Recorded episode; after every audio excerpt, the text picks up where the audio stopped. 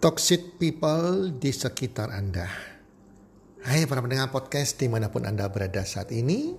Harapan dan doa kami semoga Anda selalu berbahagia bersama keluarga dan selalu sehat walafiat.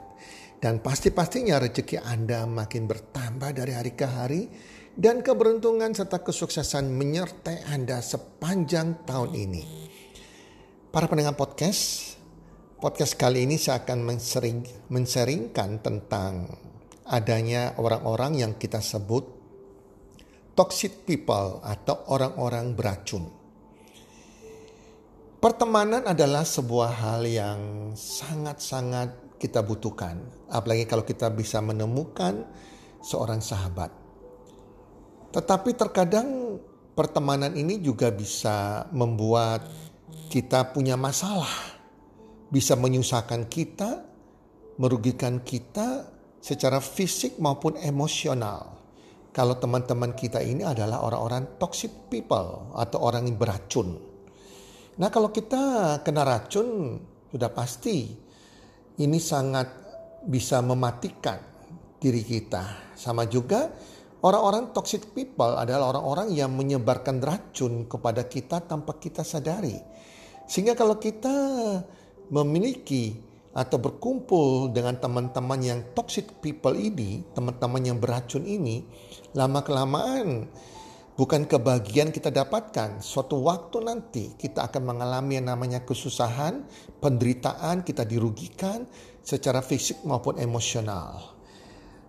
Para pendengar podcast, orang toxic people ini kita sulit mengenali mereka sampai kita berhubungan makin akrab, makin jauh dan punya pengalaman pribadi dengan mereka baru kita sadar, oh mereka ini toxic people. Karena orang toxic people ini adalah orang-orang yang teman-teman kita yang terkadang kelihatan baik sekali, kelihatan ramah sekali, supel, dan terkadang juga mereka membantu kita loh teman-teman, tetapi dengan motivasi yang lain. Jadi kalau kita bisa tahu dari awal kalau teman kita ini adalah toxic people, kita bisa menghindari pertemanan dengan mereka. Jangan sampai kitanya yang jadi korban teman-teman. Kita yang kena racun. Oke dari pengalaman saya, dari sudut pandang saya yang saya alami. Karena dari kecil sampai saya usia saat ini, saya selalu berhubungan dengan toxic people. Baik itu dari pertemanan dari teman-teman saya maupun dari keluarga, dari saudara, bahkan orang tua saya menjadi toxic people bagi saya. Jadi ini dari sudut pandang saya teman-teman ya dari pengalaman hidup saya. Nah teman-teman ciri-ciri orang toxic people atau orang beracun yang kita harus hati-hati dan hindari dari pertemanan kita adalah yang pertama mereka hanya mau senang-senang saja jadi orang toxic people ciri-cirinya mereka adalah orang yang suka senang-senang aja. Mereka suka happy-happy, suka kumpul dan bersenang-senang. Mereka justru tidak ada pada saat kita lagi dalam keadaan susah, sedih atau dalam keadaan tidak senang, lagi keadaan yang membutuhkan seseorang untuk menguatkan kita. Mereka ini adalah orang-orang yang teman di kala senang. Di kala susah mereka menghindari kita teman-teman ya. Jadi itulah orang-orang toxic people. Dan kalau kita susah ya, wow sudah mereka ini kayak semacam loudspeaker ya. Menceritakan keadaan kita ke mana-mana. Jadi sudah karakter mereka orang-orang toxic people suka menceritakan orang lain. Apalagi orang lain lagi susah bukannya mereka prihatin. Tapi mereka menceritakan masalah kita, kesusahan kita ke orang-orang lain, bahkan kepada orang-orang yang tidak kita kenal.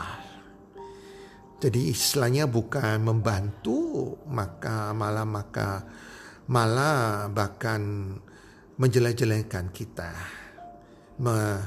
Yang kedua, mereka jelas tadi sudah dijelaskan nomor satu, jelas ini orang-orang yang tidak berempati mereka adalah tipe orang tidak berempati, tidak bersempati pada kita. Walaupun mereka kelihatan baik, ramah, kumpul sama-sama, happy-happy sama-sama.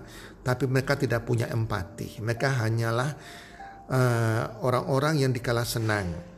Jangan berharap orang negatif atau toxic people ini mau memahami diri kita. Mereka hanya pura-pura memahami dan pura-pura mengerti kondisi orang lain. Karena tipe orang ini adalah tipe orang yang tidak bisa berempati. Kedengarannya, oh mereka mendengarkan curhat kita. Tapi setelah itu mereka menceritakan ke mana-mana masalah kita. Dan akhirnya kita jadi malu. Jadi hati-hati kalau kita dengan mau mencurhat sesuatu persoalan kita, kita anggap dia teman, harus cek dulu. Teman ini teman bisa dipercaya tidak atau jangan-jangan teman saya ini hanya teman di kala senang, dia adalah toxic people. Ya. Jadi orang toxic people itu adalah tipe orang yang tidak berempati tapi mereka minta diri mereka dipahami. Mereka minta diri mereka dimengerti, diempati. Tanpa mereka mau empati persoalan orang lain. Bahkan mereka terkadang di belakang kita tertawa dengan keadaan kita, dengan penderitaan kita. Ya jadi hati-hati ya. Ciri ketiga adalah orang toxic people ini suka mengontrol dan memanipulasi orang lain. Mereka adalah tipe orang yang suka mengatur-ngatur orang, suka mengontrol orang lain untuk mengikuti keinginan mereka, untuk melakukan apa yang mereka inginkan. Bahkan terkadang setengah memaksa. Nah, mereka bisa bahkan bisa menggunakan orang lain ya atas nama orang lain untuk mencapai tujuan mereka. Contohnya, ya dalam sebuah pekerjaan, dalam sebuah perusahaan ada si A seorang pegawai yang ingin naik gaji. Tetapi dia mau bilang ke bos, sungkan bicaranya ke bos kalau dia minta naik gaji. Maka dia akan sampaikan ke bos pimpinannya bahwa si B ini ada curhat ke dia ingin naik gaji. Jadi dia memakai nama si B, teman-teman. Nah, inilah Contohnya suka memanipulasi orang lain dan banyak contoh-contoh yang lain. Orang toxic people juga orang yang pandai berbohong dan berkelit dengan sejuta alasan. Bila kebohongannya itu terkuak, waduh, mereka bisa berkelit bagaikan belut teman-teman. Jadi kita tidak bisa melawan uh, apa uh, berargumentasi dengan orang-orang yang yang toxic people. Orang toxic people adalah orang-orang yang tidak mudah minta maaf Jarang ada kata maaf dikeluar dari mulut mereka. Justru orang bijaksana, orang dekat Tuhan itu yang mudah mengatakan sorry, maaf, walaupun mereka tidak salah. Tapi jangan berharap orang toxic people mau minta maaf walaupun itu jelas-jelas kesalahan mereka. Teman-teman ya.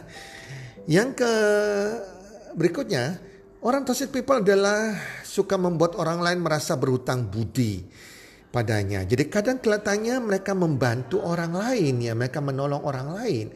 Tetapi dengan tujuan supaya orang lain ini merasa berhutang budi pada mereka.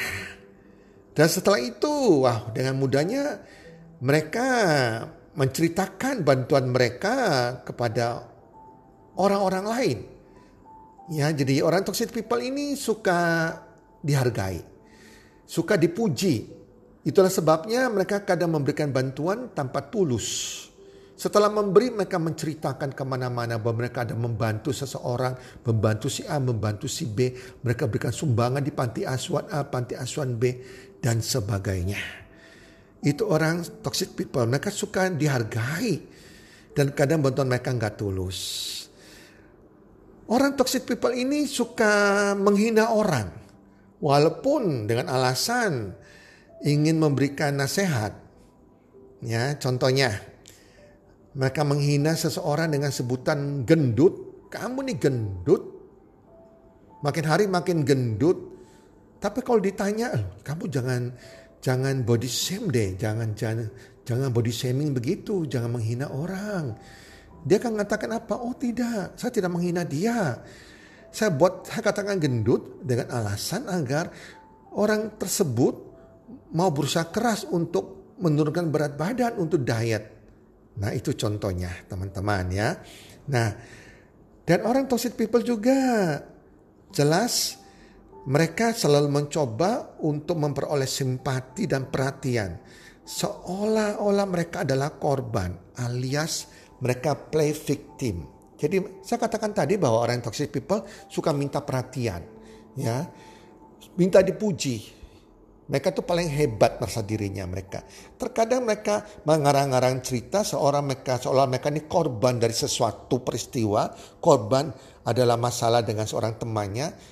Mereka play victim agar minta dikasihani, agar memperoleh, memperoleh simpati. Dan orang toxic people adalah orang-orang yang suka merendahkan orang lain. Meremehkan orang lain. Mereka tidak pernah mau mengakui kesuksesan, keberhasilan orang lain yang lebih kaya dari mereka. Mereka adalah orang-orang iri hati. Walaupun mereka tidak mengakui mereka iri hati. Ya, jadi mereka suka merendahkan orang lain, meremehkan orang lain. Kalau ada orang lebih kaya, mereka akan iri. Iri. Bahkan seorang saudara kandung yang toxic people, kalau melihat saudara kandungnya itu lebih kaya dari dia, perasaan iri dan dia sudah mulai menjelek-jelekan, menjelek-jelekan saudara kandung ini ke orang lain. Contohnya ya saya kenal sekali seseorang yang kakaknya sukses beli rumah sendiri dengan dengan apa keringat sendiri, tapi adiknya ini karena iri kakaknya bisa sukses beli rumah, adiknya cerita, oh rumah kakak saya begitu besar karena dikasih oleh ayahnya, oleh orang tuanya. Padahal tidak sama sekali. Itu contohnya ya. Jadi mereka tidak bisa melihat keberhasilan atau kesuksesan orang lain ya mereka tidak mengaca dirinya sendiri yang tidak berhasil. Mereka maunya orang lain itu di bawah mereka. Lebih rendah dari mereka. Tidak boleh lebih hebat dari mereka. Tidak boleh lebih pandai dari mereka. Lebih kaya dari mereka. Lebih sukses dari mereka. Tidak boleh lebih dihargai dari mereka. Nah itu jeleknya orang toxic people yang selalu iri hati. Dan tidak senang melihat kebersihan orang, orang lain. Tidak berusaha uh, mereka berusaha merendahkan memfitnah orang lain. Hobinya memfitnah teman-teman. Nah di dalam sebuah tim, tim player atau dalam tim kebersamaan di sebuah perusahaan, kita nggak boleh masukkan orang toxic people dalam tim ini. Mereka akan jadi orang-orang yang menghancurkan, yang memecah belah tim. Teman-teman ya. Karena mereka mau menonjol sendiri seakan-akan uh, mereka kerja keras mereka. Yang membuat tim mereka berhasil itu mereka, bukan dari tim. Nah, orang toxic people ini yang dikatakan punya sindrom yang namanya sindrom Thanos. Perasaan yang merasa dirinya paling hebat dan yang paling benar. tidak pernah merasa diri mereka bersalah dan tidak mau ya orang lain lebih hebat dari mereka. Selalu dirinya benar dan kita selalu yang salah. Mereka suka menghakimi, berdasarkan perspektif dirinya, penilaian yang subjektif. Jadi toxic people ini adalah orang-orang yang tidak bisa mengerti dan memahami kondisi orang lain dan ini sangat berbahaya sekali. Ini istilahnya musuh dalam selimut teman-teman ya. Mereka akrab, kata ramah sekali, bahkan ramanya ramah banget, senyumannya yang manis. Yang tidak bisa kita sadari itu racun semuanya yang siap meracuni diri kita. Kita tahu bahwa untuk menjadi pribadi yang baik, kita harus kumpul dengan orang yang baik. Kalau kita pribadi yang baik, kumpul dengan orang-orang toxic people, kita akan menjadi orang-orang yang teracuni. Kita jadi pribadi yang buruk akhirnya. Kita mau jadi pribadi yang sukses atau yang gagal, tidak terlepas dari orang-orang di sekitar kita dengan siapa kita bergaul.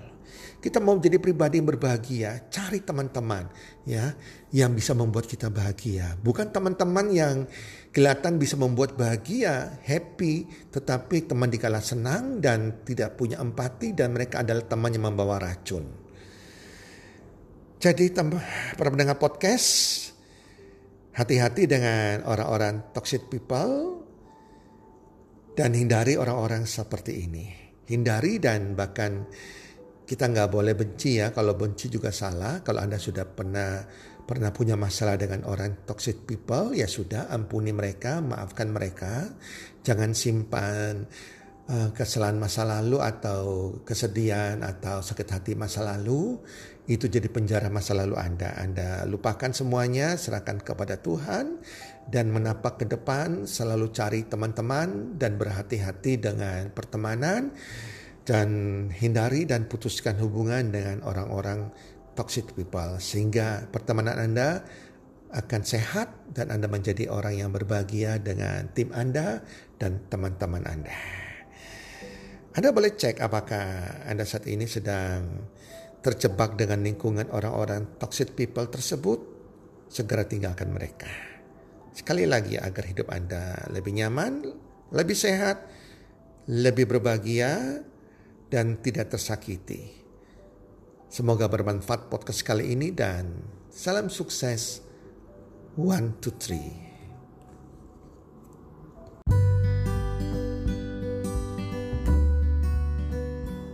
Terima kasih sudah mendengarkan podcast kami. Teman, jika Anda rasa bermanfaat podcast kami ini, Anda bisa menginfokan kepada rekan kerja Anda, keluarga Anda, teman ataupun sahabat Anda. Dan jika ada hal-hal yang Anda ingin tanyakan kepada kami ataupun topik-topik apa yang Anda ingin kami bawakan, kami sampaikan, Anda bisa DM kami di Instagram kami Health Community id.